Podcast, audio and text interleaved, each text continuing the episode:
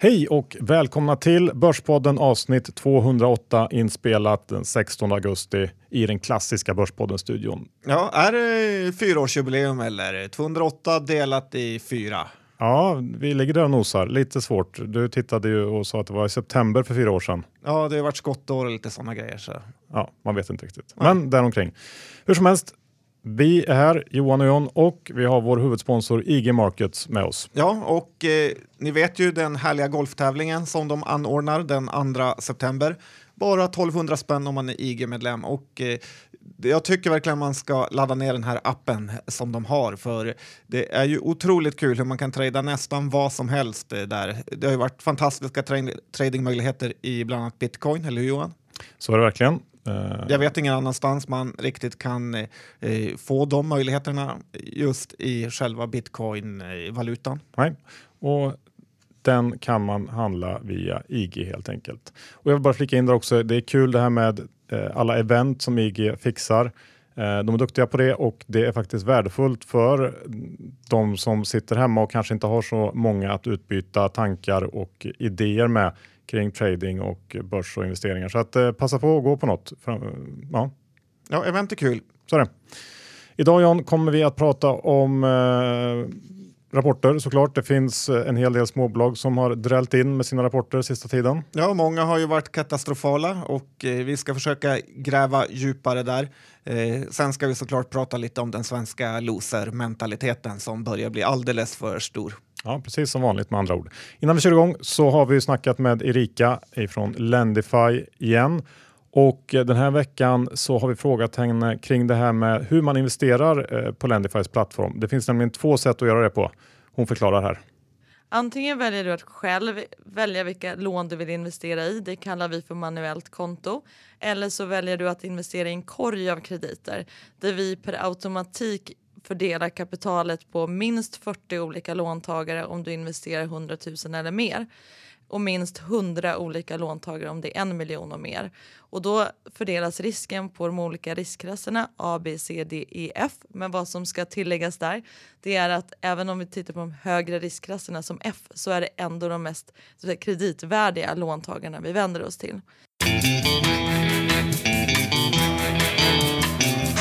Johan, Dr. Bass Isaksson, index är 1550 ungefär och eh, det känns ju lite trögt på börserna nu. Det vill sig inte riktigt med någon större återhämtning. Dollarn är svag och ja, vad mer har vi att se fram emot? Nej, men jag håller med, det, det är ju så. Eh, vi får se, det har inte riktigt, riktigt kommit igång, kommit igång än känns det som efter sommaren. Eh, så vi får se när alla är på plats, när vi börjar få in lite nyheter från bolagen. Hur tuffar det på nu efter sommaren? Hur ser det ut och så vidare.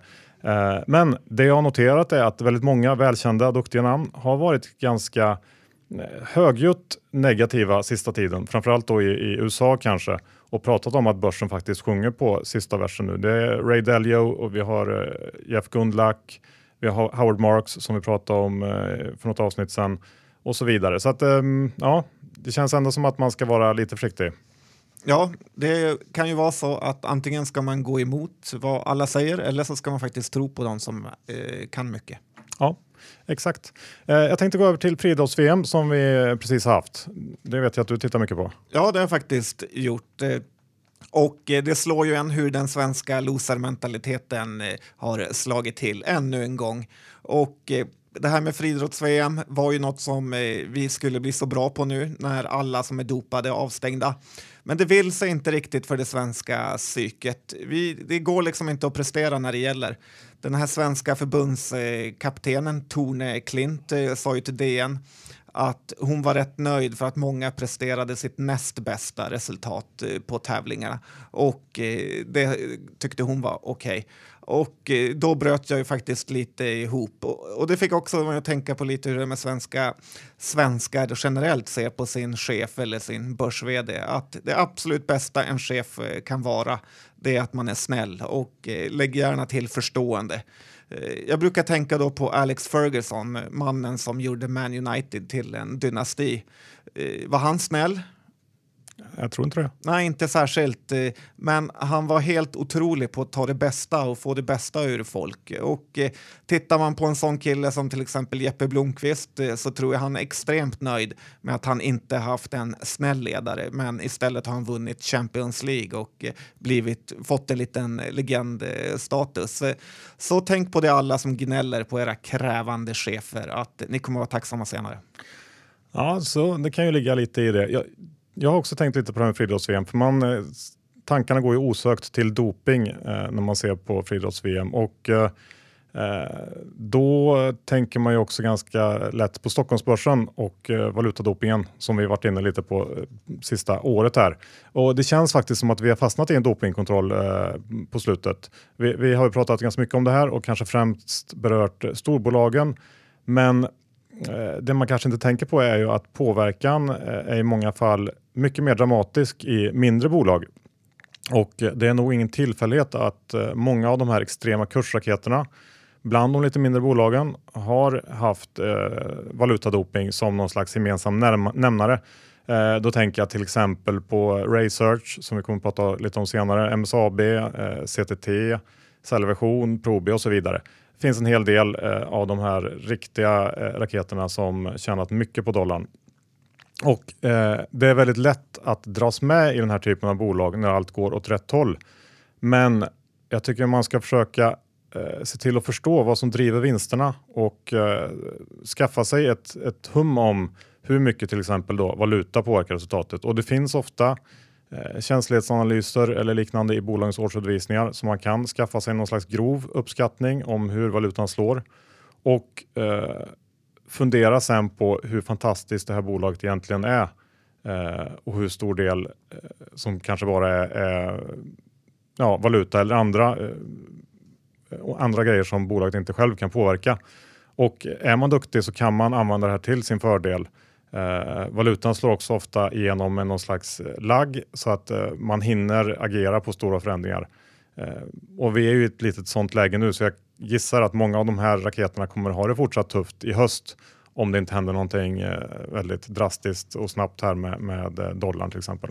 Ja, så en livstidsavstängning på Stefan Ingves eh, vore ju att föredra faktiskt. Ja, eh, precis. Och innan vi avslutar det här friidrotts-VM-snacket så måste jag gratulera några som jag tycker eh, har tagit medalj.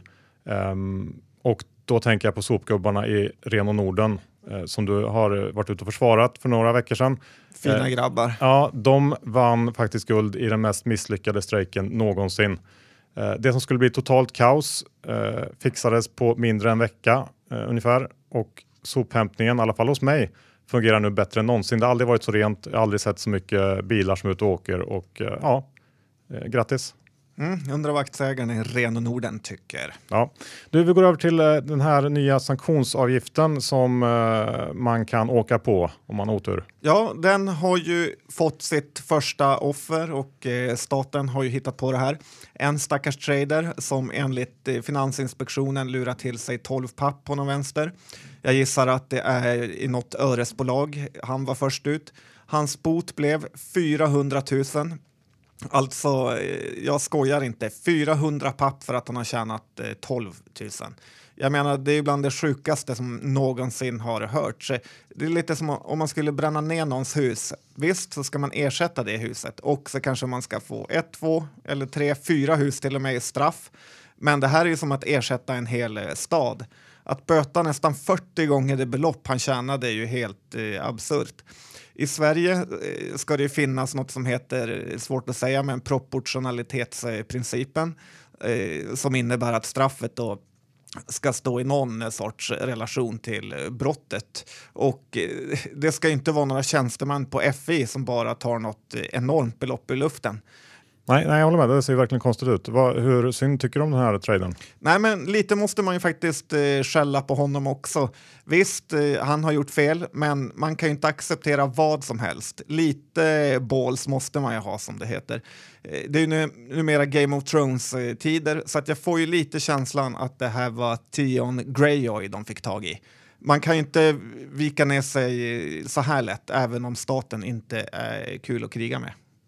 Nej, där, där har du ju eh, helt klart en poäng. Var, vem är du i Game of Thrones förresten?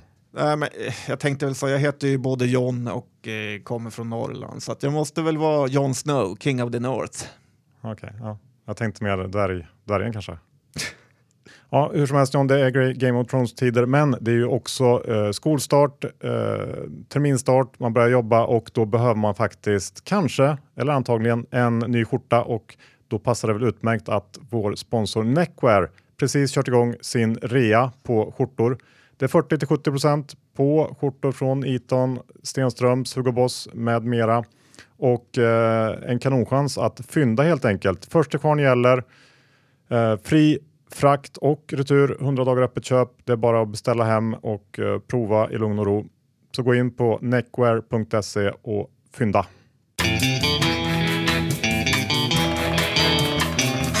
Då John, ska vi snacka bolag.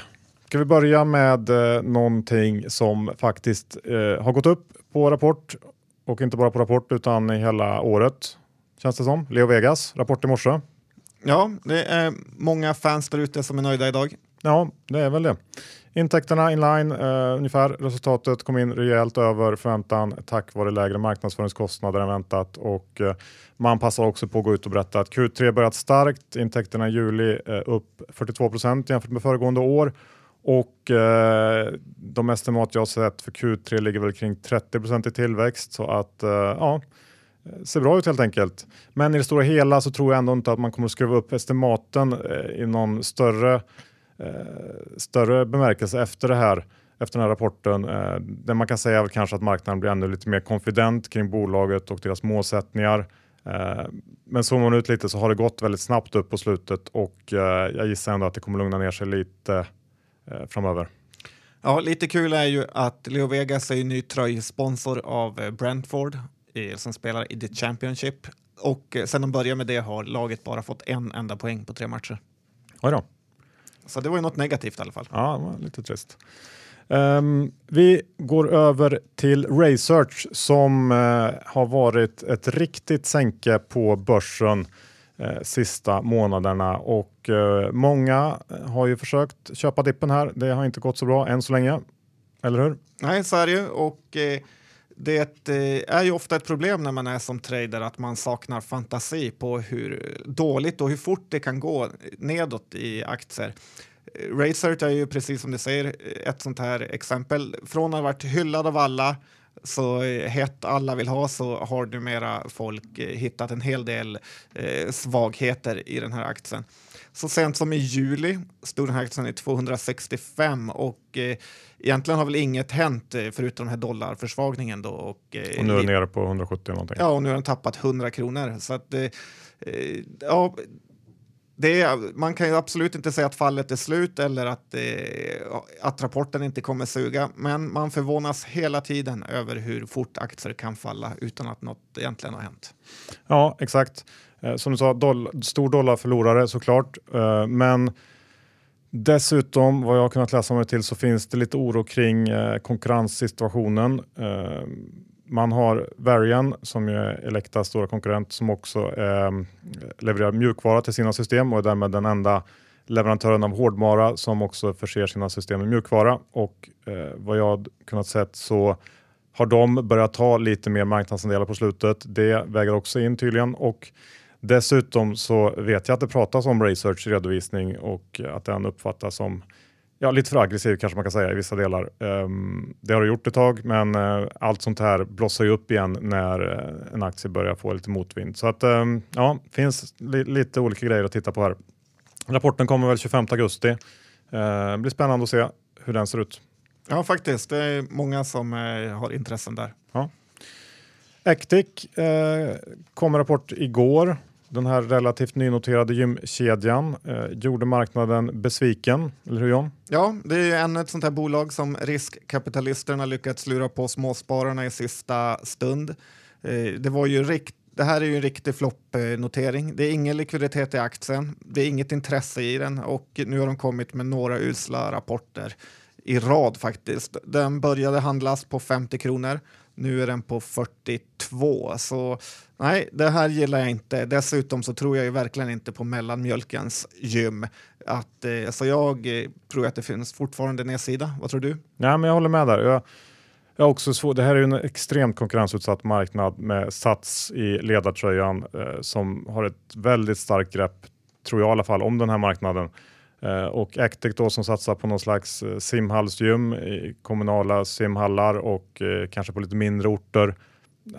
Alltså, lite svårt att se hur det ska kunna bli jätte, jättebra.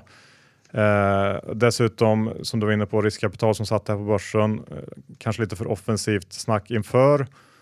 Och eh, väldigt hårt skuldsatt bolag verkar ha eh, inte full koll på kostnadssidan i bolaget efter den här rapporten som ju var framförallt på, på resultatnivån betydligt sämre än väntat. Eh, de har någon slags konstig satsning i Tyskland. Eh, ja, det finns en hel del frågetecken här så att här ska man nog avstå tycker jag. Nej, gillar man gym i kommunala badhus så kan man köpa det, men det är ju ingen som gör det. Nej, det finns säkert ett par, men, men mm. Du, eh, ska vi fortsätta med, med, eh, vi har pratat ganska mycket retail de sista månaderna. Idag kom en till eh, rapport som slaktades. Odd Molly var det den här gången. Jajamän, det var det. Det här blev ju en riktig skitrapport får man säga. det var väl väntat kan man tycka när aktien har eh, gått ner från eh, 55 kronor till 37 på bara några månader. Men det spelar ingen roll för en aktie hur hur den har gått innan när en dålig rapport kommer, för då kollapsar den i alla fall. Eh, aktien handlas väl nu mellan 31 och 33 kronor och är ner 15 procent. Eh, det som går absolut sämst för Odd Molly det är den här försäljningen till små eh, butiker som de i sin tur säljer till, då, typ Britta på hörnet i Västerås. Online-delen går väl okej okay, och deras egna butiker eh, också eh, hyfsat får man säga. Eh, man vill väl se det här lite som ett omställningscase där de riktar in sig mer mot onlineförsäljning, men det verkar gå trögare än man tror.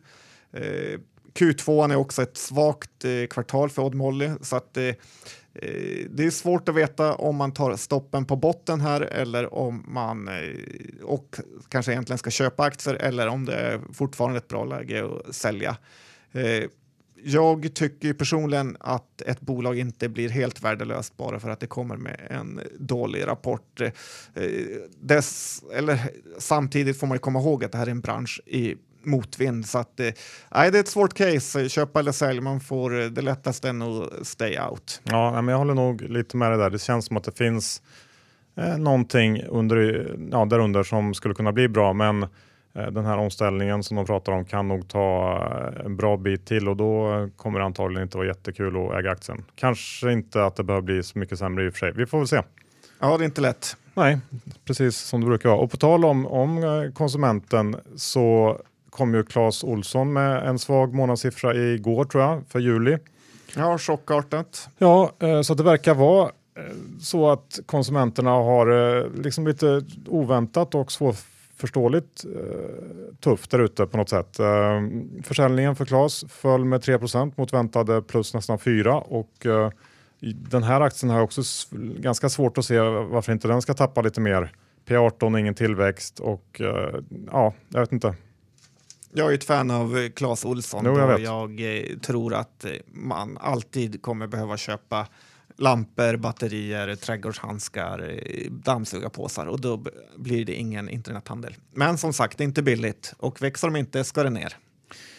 Precis. Du, jag tänkte gå in på en helt annan sak John. Vi fick ett mejl i veckan från en lyssnare som eh, ja, skickade en artikel till oss eh, som handlade om bilindustrin och skillnaden i värdering mellan underleverantörerna och biltillverkarna. Något som vi brukar ta upp titt som tätt. Och ja, var lite sådär klaga på att varför ska man köpa en underleverantör till dubbla multipeln till vad man kan köpa typ GM eller BMW för? Ja, det är en väldigt bra fråga. Ja, och den här artikeln då från Financial Times eh, erbjöd väl någon slags förklaring till varför det är så här. Och det är väl ett, ett flerdelat svar kan man säga, men dels eh, så finns det då en rädsla att biltillverkarna kommer att tappa direktkontakten med kunden Eh, om den här eh, nya typen av appar och ride-sharing eh, slår igenom på allvar. Man väntas då tvingas sälja bilar i bulk till lägre priser till de här bolagen medan underleverantörerna de väntas klara sig mer eller mindre opåverkade. Delarna de säljer behövs oavsett och eh, dessutom så har andelen av värdet i en bil som kommer från underleverantörer ökat ganska kraftigt de sista 20-30 åren. Från någonstans 40-50 procent eh, 1990 till över 70 procent idag. Och det här beror då bland annat på att bilarna blivit mer komplexa eh, rent teknikmässigt och eh, höjda miljökrav, säkerhetskrav och så vidare. Biltillverkarna själva kan inte ha all den här kompetensen in-house så därför har det då eh, vuxit upp underleverantörer som då också ofta har lite monopolliknande situationer i, eller sitsar i, i sina respektive marknader. Um, och Eh, den här utvecklingen då med eldrivna och självkörande bilar eh, väntas helt enkelt påverka biltillverkarna mycket mer än eh, underleverantörerna. Men som du argumenterar kring Mekonomen här för några veckor sedan John, så kommer de här bilarna ändå behöva vindrutor och stolar och dörrar och däck och så vidare. Och sen så är det fortfarande ganska osäkert vem som kommer vinna det här slaget om eh, slutkunden. Det är ju inte alls säkert att det blir de här nya appbolagen. Eh, de st stora biltillverkarna de har ju inte gett upp det här utan försöker själva lansera eh, liknande tjänster och lyckas man med det så kanske GM eller BMW eller något liknande bolag är superköp kring de här nivåerna. Eh, men om man ska sammanfatta den här artikeln i alla fall så är underleverantörerna i en mycket bättre och mer stabil sits än eh, vad vi kanske i någon slags first level thinking anda trott. Det, det är möjligt att, att de här biltillverkarna eh, också bra köp, men risken är betydligt högre känns det som. Eh, vi får se, framtiden får utvisa. Har du någon kommentar på det här? Ja, jag gillar idén med att just eh, apparna ska göra att det ska vara en så stor skillnad. Däremot så går det ju lite i trender. För eh, kanske tio år sedan så var ju underleverantörer något man skulle verkligen passa sig för till fordonsindustrin och nu verkar det vara det heta. Så att eh, ja, tidvattnet. Sanningen kanske ligger någonstans mittemellan. Ja, lite så är det. Ja. Men, men på tal om det här så tänkte jag göra någon slags eh, återblick på Autoliv också som ju väldigt väl passar in i, den här, i det här snacket. Eh, tidigare i somras så pratade vi lite om Autoliv inför rapporten, varna för risken att eh, det skulle bli en sänkt prognos. Och så blev det faktiskt. Man sänkte prognosen för den organiska tillväxten eh, för i år och eh, sa att man har sett en försämring på marknaderna i, eh, i USA och Kina och aktien tappade ganska mycket på det här på rapport. Eh, och då är ju frågan vad man ska tro om Autoliv nu. Vi är i ett läge där bilförsäljningen eh, ser ut att takta ner i USA och Kina, de stora marknaderna, samtidigt som Autoliv eh, faktiskt börjar närma sig en tidpunkt då det är tänkt att man ska kunna börja skörda frukterna av eh, flera år av investeringar. Eh, ökade marknadsandelar och ovanligt många nya bilmodeller eh, med ökat säkerhetsinnehåll då, de kommande åren kombinerat med en numera eh, välinvesterad produktionsapparat och eh, en minskad andel eh, R&D i förhållande till försäljningen borde kunna peta upp rörelsemarginalen för Autoliv till tvåsiffrigt i alla fall från dagens dryga 8 och dessutom så har Autoliv fortfarande en, en, väldigt stark balansräkning, återköper aktier och sådär. Så att ser man det så, så eh, och kopplar ihop det med den här Financial Times artikeln så kanske Autoliv börjar se eh, lite mer intressant ut än vad den gjort på ganska länge.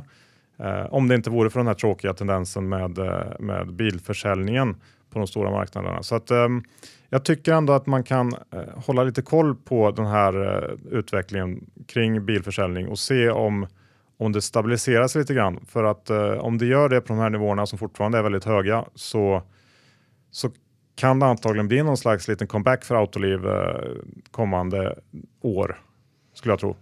Mm, kul att höra att du blivit positiv till Autoliv. Skulle inte gå så långt, men jag har tagit bort min, min uh, värsta Dr. Best-stämpel på det här bolaget nu och uh, känner att ja, det kanske kan vara läge för dem att börja leverera nu.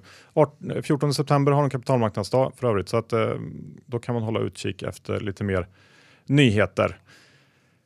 Så, vi går över till ditt nya eh, favoritområde, el. Ja, det har ju pratats mycket om det så att jag tycker att det är dags att vi tar upp några elbolag också. Det är ju faktiskt eh, det Börspodden handlar om, bolag. Och eh, Eh, ni vet ju hur fascinerad jag har blivit av vindkraft här och jag tror ju på riktigt att det är nog en av framtidens eh, elkällor som vi ska ta på allvar. Eh, ett bolag som jag tycker kanske är extra spännande här i Sverige som jag också köpt aktier i är det som heter Evolus Vind. Eh, Eulus Evolus lite konstigt namn, är ju det bolag som bygger de här vindkraftsparkerna. Eh, aktien noterades på börsen 2009 och eh, då var det väl kanske lite mer hype kring vindkraft, mer subventionerat och så. Eh, bolaget handlas nu i närheten av sina all time low nivåer, eh, men det är väl inte riktigt hela sanningen som proffsen brukar säga då bolaget har gjort några jätteutdelningar under tiden, bland annat 2015 då de delade ut hela 10 kronor. Så det här är ju lite av en kassaflödesmaskin. Som, Men står det 20 nu eller? Ja, omkring där 2021. Eh, som kanske aldrig, den har inte fått det här riktiga erkännandet. Bolaget lider väl lite av det här Oscar Properties-sjukan då man är, blir ett projektbolag eh, fast då inom vindkraft istället för inom eh, bostäder. Och vinsterna kommer ju då lite eh, ojämnt. Eh, det som är fint med Eulus är ju att de har signat ett ett eh, stort avtal med Munich Reinsurance eh, som då har en eh, köpt, de har sålt en vindkraftspark i en sån, som det heter, miljardaffär. Och den här affären kommer då överlämnas, att man kommer överlämna den här vindkraftsparken sommaren 2018 och alltså precis ett år från och med nu. Och då kommer man även att avräkna affären och det är då vinsten kommer in. Så det är nästan garanterat som jag ser det att Evolus kommer tjäna massa pengar framöver. Remiums Introduce tror på cirka 370 för nästa räkenskapsår som börjar efter nästa kvartal då de har sån här brutet eh, och eh, brutet räkenskapsår. Och eh, det här året eh, som är 16-17 då är väl lite förlorat då man förmodligen kommer tjäna just under kronan. Eh, Penser, som också följer det här bolaget, tror att bolaget kommer tjäna mindre, 2,60 nästa år, beroende på en sån här elcertifikataffär så att man kommer att räkna av eh, affären lite eh, under flera år istället för på en gång. Eh, och eh, hur som helst så tycker jag att ett bolag som värderas till 520 miljoner har 100 millar i kassan, nettokassa och ett eh, P-tal på, beror på vad man säger, men i alla fall en bit under 10 så tycker jag man har oddsen på sin sida här faktiskt. Ja, men det där är ett spännande bolag och lite, jag har också kikat på det för ett tag sedan. Eh, jag tycker det är intressant. Eh, det som är lite lurigt är väl, visst har de fortfarande en hel del vindkraftverk som de själva driftar och kör i, i balansräkningen. Ja, så är det. Det är ju, blir lite som en trader där, att de blir sittande med de eh, kraftverken som inte går att sälja. Ja, men lite så. Det finns ju alltid en risk att, att de kan vara lite för högt bokade i balansräkningen och att det kan vara nedskrivningsbehov. Det har väl hänt lite då och då i de här noterade vindkraftsbolagen att man tvingats skriva ner eh, gamla verk till exempel. Ja, så är det absolut. Eh, däremot så är ju det bokförda värdet betydligt högre än till exempel börskursen så att eh, i stort borde det inte behöva betyda något. Men absolut är det ju en eh, risk att det kommer. Ja, men jag håller med. Det ser väl hyggligt spännande ut det där. Det blir intressant att följa. Du har också tittat på Dong. Ja, det är väl lite bortglömt bolag kan jag tycka. Vi hör ju bara om Vestas här i Sverige. Men, och Danmark som är vindkraftens motherland kan man säga eh, så är det dags att ta upp Dong Energy. Och det här bolaget är ju faktiskt väldigt stort. Det är ett börsvärde på 130 miljarder danska kronor.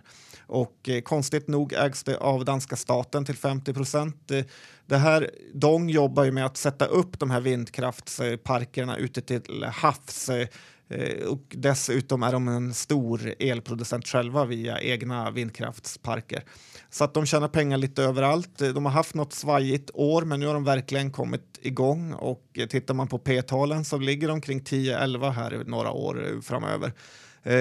Dessutom har de en väldigt stor nettokassa. Eh, jag tycker det här bolaget verkar spännande.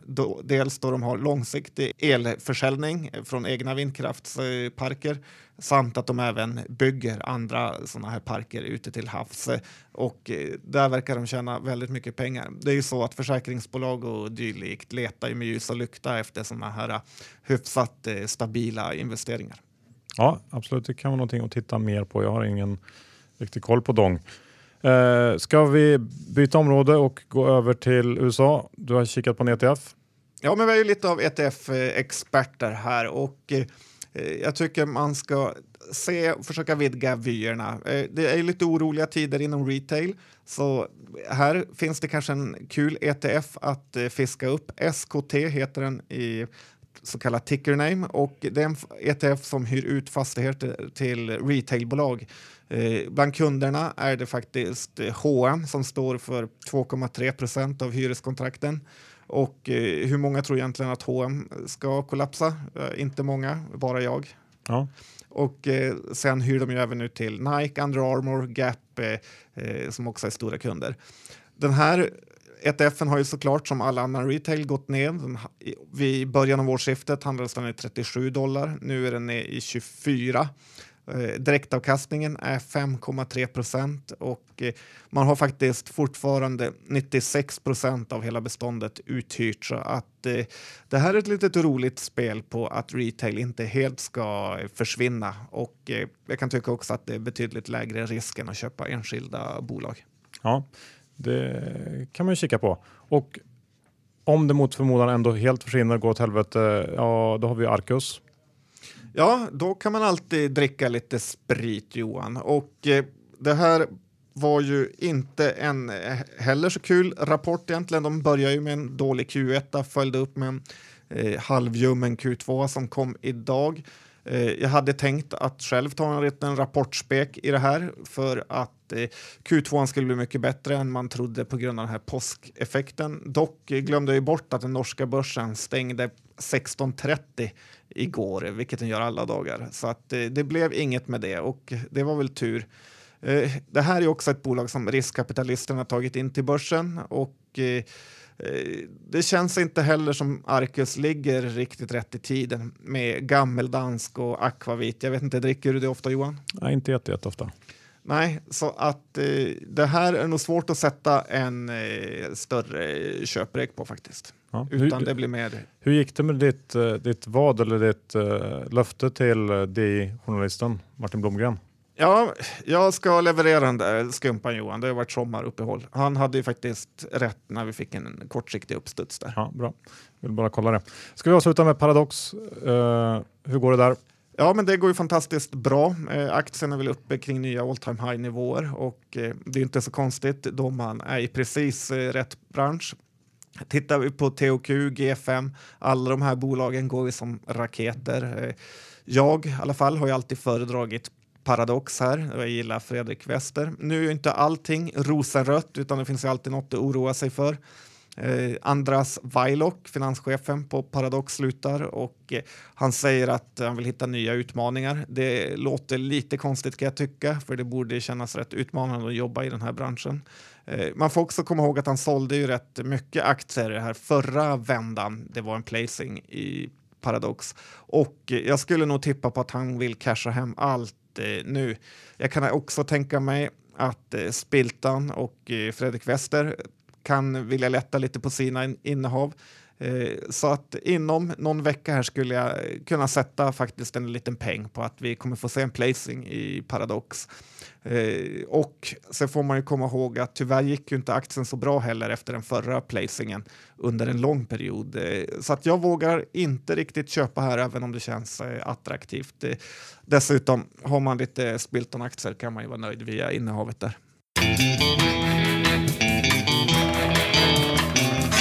Sådär John, slut på avsnitt 208. IG Markets är vår huvudsponsor. Gå in, ladda ner appen, kika lite runt på den och eh, om du är sugen så finns det hur mycket som helst att handla i där. Ja, inga robotar, inga jobbigheter, utan bara trades. Ja, och glöm inte bort golftävlingen om du gillar sånt. Och Lendify.se Ja, vi har konto, vi är nöjda, pengarna tickar in varje månad. Ja, och glöm absolut inte bort neckwear.se som har rea 40 70% på skjortor. Gå in och se till att fylla upp uh, höstgarderoben nu när det är dags för uh, studier, arbete eller vad det nu är. Ja, 70 procent på kvalitetsmärken ska man inte underskatta. Nej, fri frakt och retur och du kan testa hemma i lugn och ro. Bra John, äger du några av de aktier vi har pratat om idag eller kanske kort? Ja, tyvärr får jag väl säga att jag äger det. Jag äger ju en del Odd Molly. Jag har även en liten chansspek i Research. Efter, jag verkar gilla att köpa saker som går ner. Eh, och sen har jag ju hyfsat mycket aktier i Evlus Vind. Så eh, ja, det var de tre. Kul för dig. Jag, Nej, inte särskilt. jag har eh, ingenting av det vi har pratat om. Skönt. Bra, då tackar vi för att ni lyssnar på oss ännu en vecka. Ha det fint! Hej då!